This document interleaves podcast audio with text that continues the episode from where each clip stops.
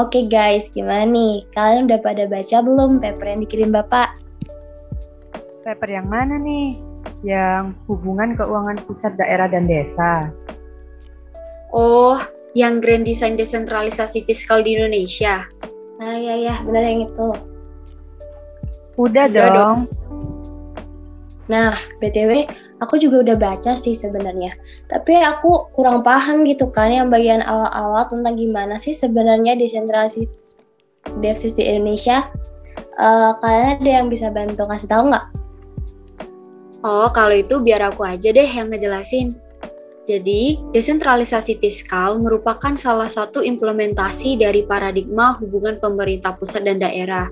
Kebijakan awal yang dirumuskan dalam Undang-Undang Nomor 22 dan Nomor 25 Tahun 1999 antara lain ditandai dengan dialokasikannya dana alokasi umum, dana bagi hasil, dan diberikannya otoritas pajak yang terbatas kepada pemerintah daerah perumusan kebijakan desentralisasi fiskal Indonesia harus didasarkan atas suatu grand design yang menjadi cetak biru dari hubungan keuangan pemerintah pusat dan daerah.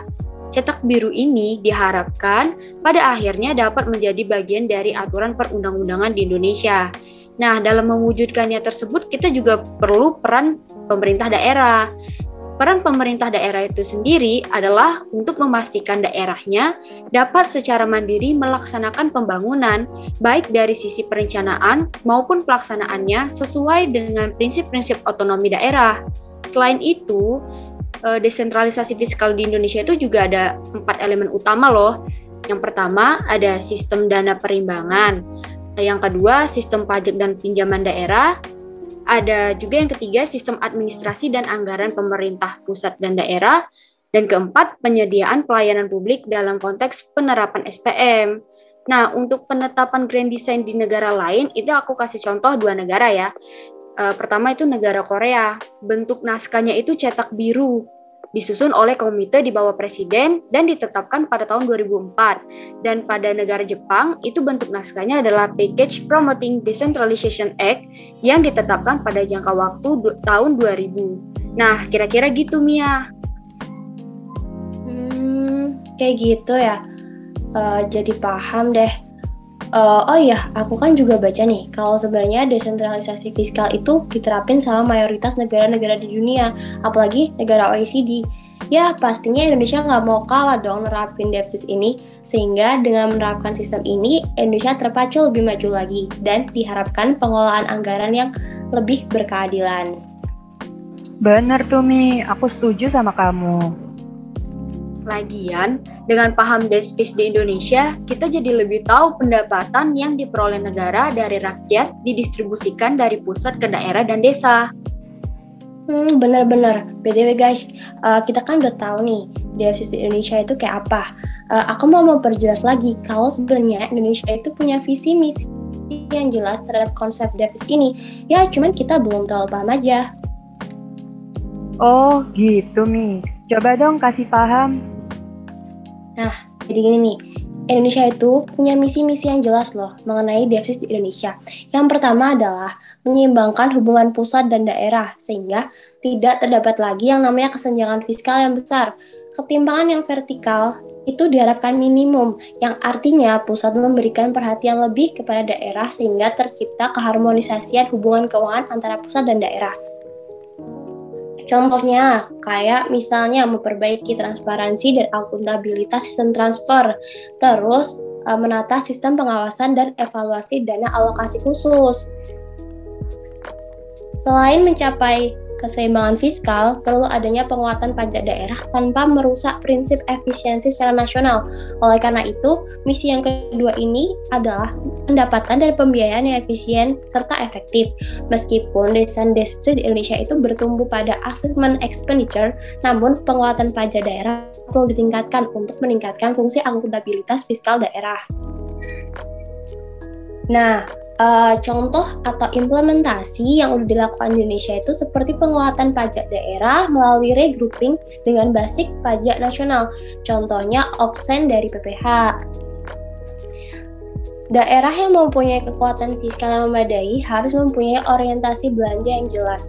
keluasan itu jangan sampai ngebuat belanja daerah itu jadi tidak terarah. Jadi uh, kita perlu standar pelayanan minimum atau SPM sebagai tolak ukur rata-rata minimum nasional bagi daerah. Misi yang ketiga ini akan menjadi kunci bagi penilaian berpenghas uh, keberhasilan pengelolaan keuangan daerah dengan berpatokan SPM, masyarakat akan lebih mudah melihat dan um, menilai sejauh mana keberhasilan pemerintah daerah yang bersangkutan dalam menyelenggarakan layanan-layanan yang menjadi hak dasar masyarakat. Misi yang terakhir yaitu adanya keharmonisasian belanja pusat dan daerah demi mencapai pelayanan publik yang optimal dengan mencermati bahwa semua bentuk belanja tersebut harus berangkat dari kejelasan tugas dan kewenangan masing-masing level pemerintahan. Kayak gitu nih teman-teman. Oh, ternyata keren juga ya aksi-aksinya. Iya sih, sebenarnya bagus loh kerangka yang udah dibuat sama pemerintah pusat. Ya, kita tinggal tunggu aja eksekusinya. Apalagi di kondisi sekarang ini kita tahu kan kalau misalnya ekonomi itu lagi naik turun. Pembangunan di pusat maupun daerah pasti terhambat. Oleh karena itu, pemerintah melakukan adjustment terhadap postur APBN. Hmm, iya juga sih. Nah, berarti desvis ini juga berkaitan erat dong dengan kondisi perekonomian. Kalian bisa jelasin nggak hubungan yang dimaksud ini seperti apa? Hmm, jadi gini, argumen bahwa desentralisasi dapat membantu menyelesaikan masalah perekonomian nasional dimulai dari prinsip dasar bahwa pemerintah daerah dapat menyelenggarakan layanan publik bagi masyarakat daerah dengan biaya yang lebih rendah atau lebih efisien dibandingkan dengan disediakan oleh pemerintah pusat. Efisiensi itu muncul karena pemerintah daerah lebih mengetahui ke keadaan serta kebutuhan masyarakatnya, sekaligus bagaimana cara memenuhi kebutuhan tersebut dengan cara yang paling efisien. Selain itu, pemerintah daerah juga juga akan bereaksi lebih cepat apabila kebutuhan tersebut muncul dan pada akhirnya masyarakat lokal akan merasa puas atas pelayanan pemerintah lokalnya. Nah, kepuasan ini yang dapat mendorong produktivitas masyarakat setempat yang kemudian dapat memicu pertumbuhan ekonomi lokal yang lebih tinggi. Nah, desentralisasi ini juga bertampak loh pada pembangunan ekonomi nasional menurut dari beberapa pengamat ekonom, uh, dampak desentralisasi fiskal terhadap pertumbuhan ekonomi di Indonesia ini uh, mengindikasikan bahwa desentralisasi dari sisi penerimaan mempunyai pengaruh negatif, namun sedangkan desentralisasi pengeluaran tidak terlalu mempunyai pengaruh terhadap pertumbuhan di daerah. Penyebab dari desentralisasi penerimaan memperlambat pertumbuhan diduga sebagai akibat pemerintah daerah yang hanya berorientasi pada peningkatan pendapatan asli daerah atau PAD, bukannya produk domestik regional bruto atau PDRB. Hal ini mengabaikan perbaikan iklim investasi daerah. Ada sisi desentralisasi pengeluaran yang tidak mempunyai pengaruh signifikan terhadap pertumbuhan ekonomi. Ini disebabkan oleh beberapa hal, di antaranya pemerintah kurang mampu mengalokasikan anggaran sesuai dengan kebutuhan pembangunan. Uh, yang kedua yaitu dikarenakan pada awal program desentralisasi, mekanisme transfer daerah masih belum terprogram dengan baik, sehingga pembiayaan-pembiayaan atau anggaran-anggaran untuk perbaikan di daerah tidak dapat tereksekusi dengan baik. Selanjutnya yaitu belanja investasi biasanya memerlukan beberapa waktu untuk memulai menampakkan hasilnya. Uh, kemudian desentralisasi sendiri dapat berpengaruh kepada kesenjangan antar daerah atau disparitas ekonomi di daerah. Desentralisasi ini berpotensi membuat disparitas makin parah apabila tidak ada kebijakan khusus yang memprioritaskan upaya mengurangi kesenjangan itu sendiri. Dalam banyak kasus, desentralisasi dipakai sebagai alat untuk mengatasi atau meredam dampak negatif dari disparitas itu sendiri. Uh, sebenarnya disparitas ini dapat ditoleransi sejauh tidak mengganggu pertumbuhan ekonomi nasional dan tidak menciptakan kegaduhan dalam masyarakat. Namun, disparitas ini tetap harus dikurangi agar prioritas utama dalam redistribusi perekonomian daerah dapat berjalan. Nah, bagaimana kemudian pemerintah menanggulangi masalah disparitas?